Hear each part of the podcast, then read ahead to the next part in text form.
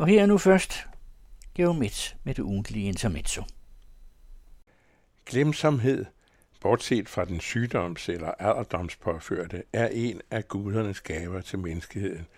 Uden glemsomheden ville kloden plages af monstrøs bundeanger, harme i utilfredsstillede kærlighedsforhold og kronisk vrede over alle uforglemmelige krænkelser. Uden passende glemsomhed bukker det politiske liv under i had og hævn. Ivo Andrić fortæller som glemsomhedens modsætning om den balkanske blodhævn. Generation efter generation mindes forsmedelsen, da et par af klanens gedebukke bliver slået ned af folkene på den anden side af floden. Krænkerne undgælder i syv gange syv slægtled. Hævnen og hævnens hævn huskes. Hver eneste blodige begivenhed i den århundrede lange vendetta udføres vedvarende nidkært og noteres. Intet tilgivet, intet glemt. Et demokratisk system kan ikke leve uden det modsatte. Glemsomhed kan være en forudsætning.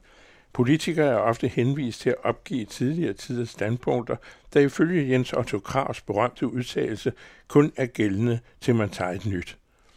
Hurtigt stues det oprindeligt ment af vejen. Et demokrati fungerer ved, at aktørerne glemmer nogenlunde jævnt fordelt og finder andre veje i lunkne kompromiser med øje for helheden og karrieren. Forseelser kan ganske vist være så alvorlige, at de ikke kan skrives i glemmebogen. Da et radikalt folketingsmedlem uaksomt var skyld i et andet menneskes død i sin tid, stemtes den ansete politiker og tidligere minister ud af Folketinget. Han vendte ikke tilbage. Det var en selvfølge, han var kendt uværdig.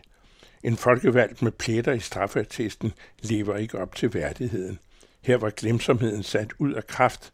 Et flertal skete ikke til, at en færdselsforseelse dybest set af den politiske gerning uvedkommende. Uværdigheden efter straf fraveg man bare ikke.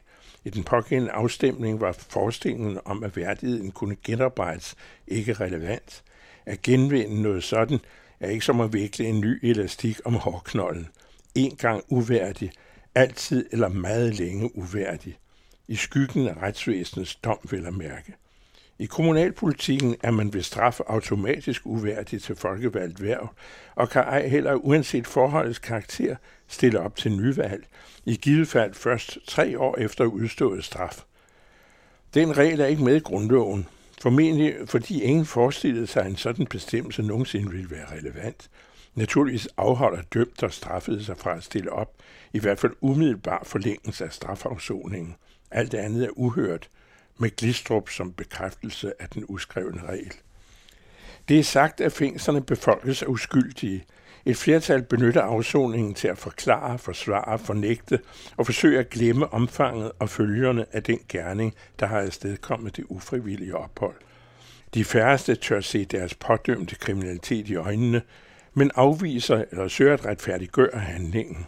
Sover menneskeligt, og på linje med folk, der forklarer, hvorfor deres affaldssortering halter, eller hvorfor de kørt for stærkt. Det sker ellers aldrig. Jeg sorterede affaldet i distraktion, så det hele endte i samme spand, som jeg lossede af på naboens fortov og kørte vanvidskørsel over Knibbelsbro, fordi jeg grundede over Schopenhauers teser om verden som enten forestilling eller vilje.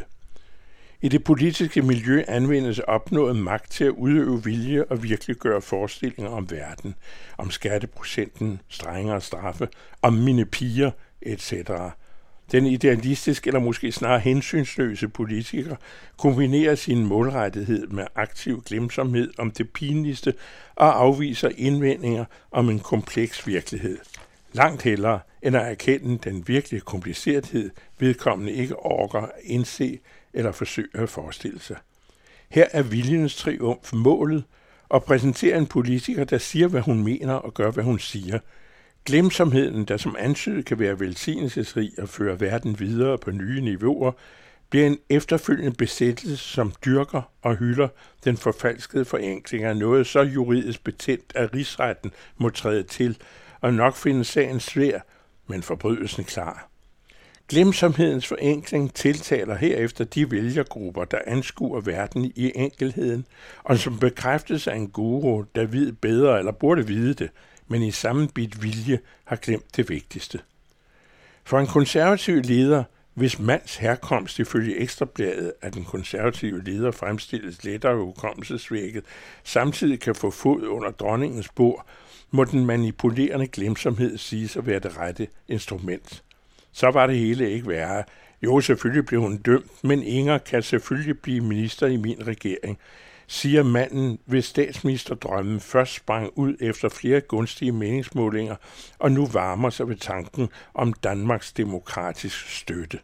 Hvad angår god konservativ moral, lad partiformanden glemsomheden råde. Intermezzo, som altid med Geomets her på den anden radio, og om fredagen kan det læses i information.